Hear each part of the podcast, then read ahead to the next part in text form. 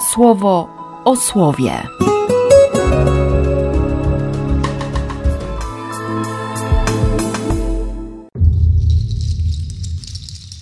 Dziewiętnasty lutego, sobota. Z listu świętego Jakuba. Niech was tak wielu, moi bracia, nie zostaje nauczycielami, wiedząc, że wtedy wyższy wyrok otrzymamy. Przecież wszyscy często upadamy. Jeżeli ktoś w mowie nie upada, ten człowiekiem dojrzałym, potrafiącym utrzymać w cuglach także całe swoje ciało. Jeśli koniom wkładamy do pysków wędzidła, aby nam były uległe, to również całym ich ciałem kierujemy. Oto i okręty, choć ogromne i gnane ostrymi wiatrami, kierowane są przy pomocy tak bardzo małego rudla tam, dokąd chce poruszenie sternika. Tak również język małym jest członkiem, a wielką władzą się cieszy. Spójrz też, jak mały płomień wielki las podpala, a język też płomieniem. Wśród naszych członków język czyni się chlubą zła. On plami całe ciało i sam piekłem rozogniony rozognia bieg życia. Każdy rodzaj bestii i ptaków, płazów i morskich stworzeń da się ujarzmić i jest ujarzmiony przez rodzaj ludzki. Języka natomiast, tego zła nieustatkowanego, nasączonego śmiercionośnym jadem, nikt z ludzi ujarzmić nie potrafi. Nim Pana i Ojca uwielbiamy i nim przeklinamy ludzi stworzonych na podobieństwo Boga. Z tych samych ust wychodzi uwielbienie i przekleństwo. Tak, moi bracia, nie musi być. Czy źródło bije z tego samego otworu wodą słodką i gorzką? Czy może figowiec, bracia moi, rodzić oliwki albo winorośl figi? Nie wyda też zdrój słony wody słodkiej. Z Ewangelii według świętego Marka. Sześć dni później wziął Jezus z sobą Piotra, Jakuba i Jana i wyprowadził ich samych osobno na wysoką górę. Tam zmienił się wobec nich. Jego odzienie stało się błyszczące i tak białe, jak żaden na ziemi wytwórca płótna wybielić nie potrafi. Ukazał się im Eliasz i Mojżesz rozmawiający z Jezusem. Piotr, odzywając się, rzekł do Jezusa: Rabbi, dobrze, że my tu jesteśmy i możemy tu postawić trzy namioty: dla ciebie jeden, dla Mojżesza jeden i dla Eliasza jeden.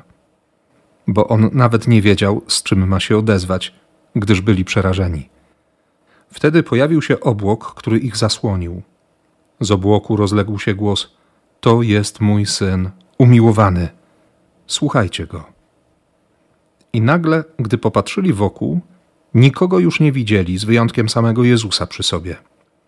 Kiedy schodzili z góry, nakazał im, aby nikomu nie opowiadali, co widzieli, aż dopiero wtedy, gdy syn człowieczy zmartwychwstanie. Zachowali więc tę rzecz dla siebie, zastanawiając się jednak, co znaczy zmartwychwstanie. Pytali go wtedy, mówiąc: Uczeni w piśmie twierdzą, że najpierw musi przyjść Eliasz. Na to im rzekł: Przyszedł najpierw Eliasz i ustanawia wszystko od nowa. A dlaczego jest napisane o synu człowieczym, że musi wiele wycierpieć i doznać zlekceważenia? Tak, zapewniam was, i Eliasz już przyszedł, i zrobili z nim, co chcieli, zgodnie z tym, co o nim jest napisane. Kiedy już wczoraj przeczytałem ten fragment listu Jakuba, to się zacząłem zastanawiać, czy w ogóle mogę się odzywać. Nie? Nowy przykład dynamiczny tłumaczy, każdy rodzaj dzikich zwierząt, latających, pełzających czy pływających da się ujarzmić człowiekowi, lecz nie potrafi on uczynić tego z własnym językiem, który jest nieobliczalny w czynieniu zła i niepohamowany w rażeniu śmiercionośnym jadem. No Jakub jest tak konkretny, tak, tak ostry w tym liście, że stawia do pionu. Znaczy, nie dziwię się, bo, bo to jest czas, gdzie trzeba było bardzo jasno, bardzo klarownie pokazywać wszystko. Nawet w pewnym sensie na forum piętnować grzechy wspólnoty. Zresztą to jest czas, gdzie, gdzie wspólnota Kościoła zna tylko trzy grzechy ciężkie: apostazję, zabójstwo i cudzołóstwo. Natomiast że zawsze się dużo gadało i mamy taką skłonność. W kościele naprawdę też komentować wszystko, mieć własne zdanie na temat wszystkiego i czasami naprawdę stawać w szranki z, z każdym teologiem. Spokojnie wyzywać na pojedynek y, papieża, na przykład. to było od zawsze. Nie? Tak zawsze było. No tylko Jakub nie zostawia suchej nitki na tych, którzy, którzy nie potrafią zapanować nad słowami. Zresztą chodzi o to, żeby zbyt wielu nie usiłowało się brać za nauczanie. Bo być nauczycielem innych można. Wystarczy pięknie mówić i mieć coś do powiedzenia.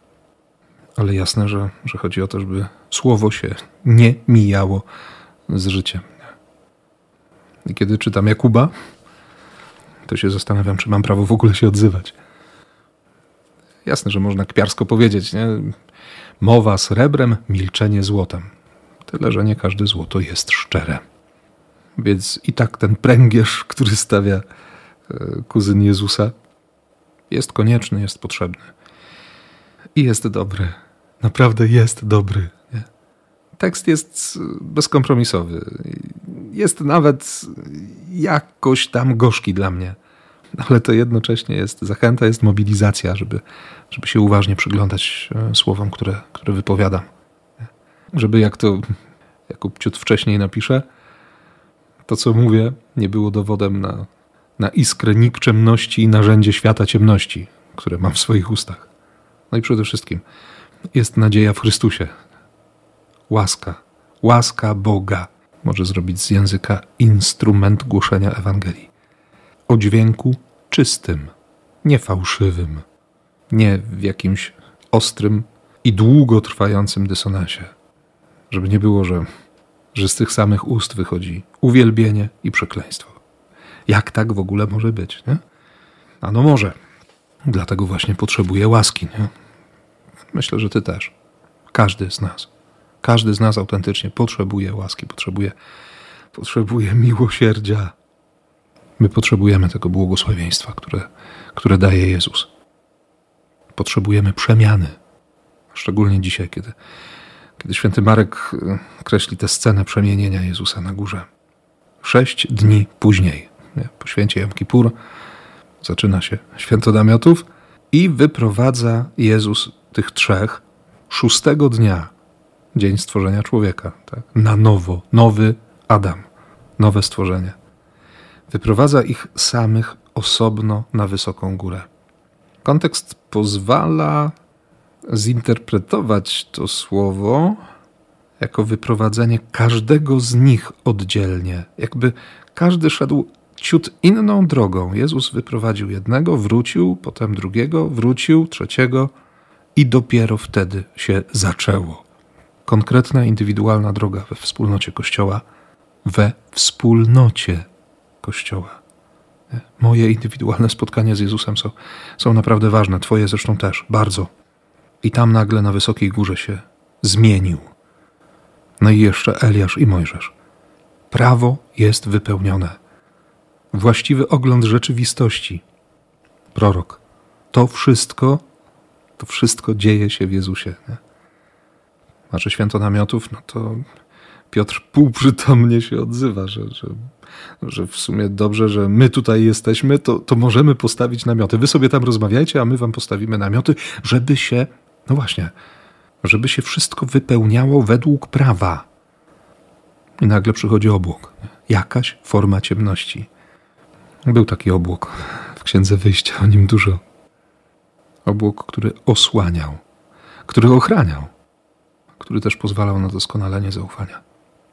I potem też się taki obłok, a przynajmniej zapowiedź tego obłoku, tego cienia pojawi u świętego Łukasza.